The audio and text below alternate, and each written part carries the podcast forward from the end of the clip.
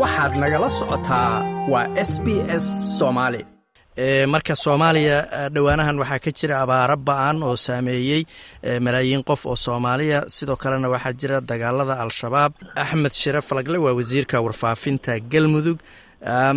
Wasiir guud ahaan bal xaaladda abaaraha gobolka galmudug haddaad noo dulmartid? Bismillahi raxmaani raxiim abaaruhu aada iyo aad bay u xoogan yihiin soomaaliya oo dhanba galmudugna way ka xag jirtaayoo aad bay uga sii horreysay. Marka waxaa la odhan karaa abaar xooggan oo naf iyo maalba halakaysay. Ayaa galmudug ka jirta oo aada u xoog badan. Waa gartay marka goobaha dadkaasu ku sugan yihiin iyo tirada ay la eg yihiin iyo sida abaaruhu ay u saameeyaan maxaad ka war abaaruhu waxay u saameynaya horta dunyadu aad bay u sii u sii daciifaysaa dadkuna dhinaca bariga mudug geeri badan baa laga soo sheegayaa carruurta iyo waayeelka iyo dadka tabartada yari waxay bilaabeen inay geeriyoodaan sababaha waxa weeye kulka iyo nafaqadarada iyo xoolihii oo halkaasi ka dhammaaday dhinaca kan gal galgaduudna iyaduna xooluhu aad bu dura dadkuna haddaan maalmaha soo socdaa aan farad ilaahi u furin ayaguna qarkii khatar u saaran yihiin. Marka la isku soo xooriyo galmudug waxay qarkaas qarka ka fuushay xilligii ay dadku u dhibanayeen abaaraha biila-aanta iyo dandarooyinka kala duwan ee ka soo wajahay xagga abaaraha. Waa garta marka maxaa gargaara ama gurmadaho in soo gaara ama ha noqoto wax ka yimaada dowladda federaalka ama hay'adaha gargaarka caalamiga? Wax gargaaro in soo gaaray oo dadkaas abaaruhu saameeyeen loogu talagalay ma jiraan run ahaantii abaaraha galmudug hayaay ilaahay inuu u gargaara mooye gacan bini aadan way dhaaftay. Wax haatan aan aan idhaahno waxbay ka qabteena oo macno lehina ma jiraan. Dadaaladu waa iska jiraan laakiin galmudug wax abaarta saaka ka jirta waa ka duwan tahay mid la yidhaahdo yaa wax ugu yaboohay iyo waxma soo gaareen. Wax soo gaara oo waxba kaafin karaa ma jiraan. Haba yaraatee geeska gees ayay ayay bahasha ku dhufatay wax lala kala gaaro iyo wax haddan la dhihi karo waxaa lagu helay degenaansho ma jiraan.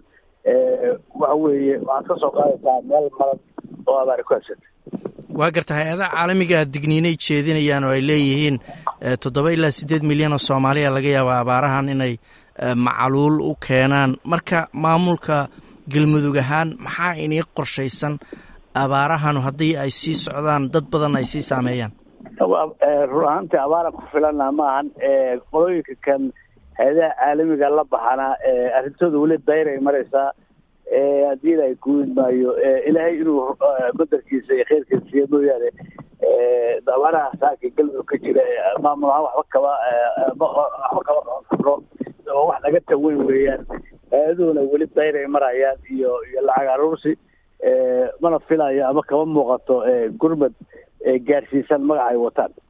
Waa garta dagaalada al-shabaab ee gobolka ka socda sidee inii saameeyeen markay noqoto abaaraha iyo dadka sidii loo caawin lahaa? Dagaaladaasi waxa weeyaan shabaab weji cusub oo ayuu galay. Waxayna u beegsanayaan dadka qabaa ilahaan ay u beegsanayaan. Iyagoo uga faa'iidaysanaya tabardarada abaarta iyo xoog yarida deegaanada ay soo weerareen habbeeleed ay ku soo weerareen dadkuna kacdoon xoog leh ay ka muujiyeen iyo ficil aada u kulul dowladduna way berber taagan tahay. Rag iyo dumar qoriga dhiigga noogu jira waxa weeye waad garan kartaa soomaalida marka abtirsiyaha laga soo aado way ka xamaasad badan tahay marar kale. Marka isir isir bay noola dirinayaan waana iska dhicinaynaa haddii ilahay ku shacbiguna haddii ilahay ku way way way way heegan yihiin waxaad ku garanaysaa inay waxa ay u dirinayaan aysan ahayn inay ama dowlad ka hortagaan ama kale ka hortagaan deegaanada ay gubeen in dowladda jirtaba dad aan ogeyn oo reermiyi oo xoolahoodii la daalaadhacaya ayay ceelasheeda ka gubeen antoniyada ka gubeen carruuriina ka laayeen. Taa macnaheedu marka ma aha inay siyaasad u dagaalamayaan waxa weeye dadka meeshaas degan ayay rabaan inay u isirtirtiraan sidaas laa jireen inta ka harta qoriga dheega socotay dowladda iyo iyo iyo shacbiguna annagoo iskaashanayna ayaynu heegan buuxa ku jirnaa waxa weeye waana iska dhicin naqaanaa kuwa dhabarka naga xigta waa garta marka dagaaladii u dambeeyey hadda maxaad nooga sheegi kartaa ma mid qabiiladu ama beeluhu sidaad sheegaysa la dagaalamayaan al-shabaabba ma mid dowladdu gooni ula dagaalamaysaa sidee u socotaa?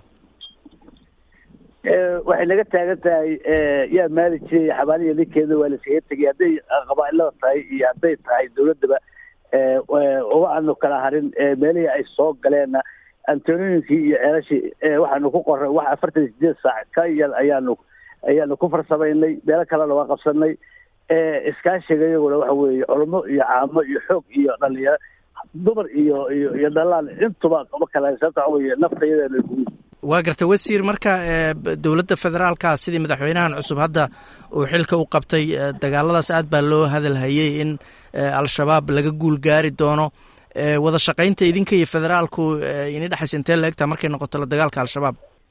Shirar baa ka soconaya magaalada muqdisho madaxweynaha galmudugna halkaasu jiraa madaxweynihii soomaaliya iyo iyaguna halkaasi ku wada hadlayaan sida aada la socotid dee madaxweynaha soomaaliya wuxuu ballan qaaday inuu barbar istaagi doono cid kasta oo iska dhicinaysa cadowgaas aw wada shaqayn buuxda ayaana noo dhexaynaysa haddii allah awooda la ogolaado haatana muqdishoay wada jiraan wada joogaan waa gartay waxaad sheegtay in al-shabaab si isiray u beegsanayaan baa tiri beelaha qaarkeed. Maxaa aad is leedahay? Isranacaybkaasu waa keenay maxaase dowlad ahaan ama maamulka galmudug ama dowladda federaalka dagaalka loogu wajihi waayo oo beelaha looga saari waayo? Dadka dagaalka dowladda iyo maamulba waa loogu jiraa laakiin inay beela noo beegsanayo waxay ku ogaanaysaa hirshabeelle iyo galmudug keliya ay dagaalka ka wadaan. Hirshabeelle iyo galmudug dadka degana waa dad hal beela wey soomaaliya waa kala qayb qaybsan tahay deegaanay leedahay maamulay leedahay ma aadaan. Waxa ay la dagaalamayan waxa weye dadka hirshabeelle iyo muqdisho iyo iyo haddii la galmudug u badan. Macnaheedu marka waxa weye dadkaas ayaan beegsanayna sababta waxa weyaan maamulaa jira qabaa'ilaa jira deegaanaa jira way nabdoon yihiin. Kuwa hor socda waxa carruurteeda laynayana waxay ka yimaadeen maamulo kale ka yimaadeen marka waxa weeyaan magaalada muqdisho dadka u badan iyo dadka hirshabelle u badan iyo kuwa muqdisho iyo kuwa galmudug waxaa loo beegsanayaa haybta u dhasheen. Waxaana ugu baaqaya inay hubka qaataan iskala dhiciyaan adooga ugu soo gambanaya shaatiyaasha kale.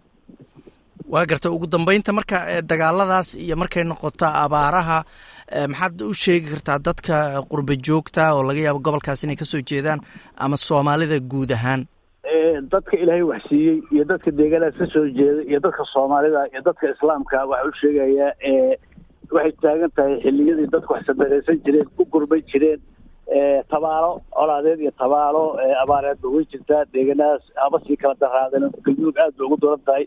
Waxaan leeyahay ciddii wax la baxaysaa waa inay u soo gurbato khaasatan dadka deegaanka u dhashay ee wax haysta ee dibadaha jooga suudadka iyo xaragada ay ku joogaan dibadaha ama ay ku joogaan haddii la muqdisho iyo meelo u dhow iyo hantidoodu calaama su'aala saaran sababto dadka ay ehelka u hayeen. Laaka qof aan gurigiisa abaar iyo xoolaan ay ka jirta malaha kaasina wuxuu ahaa wasiirka warfaafinta maamul goboleedka galmudug axmed shire falagle. Ma doonaysaa sheekooyinkan oo kale? Ka dhegayso apple podcast google podcast spotify ama meel kasta oo aad bodkastigaaga ka hesho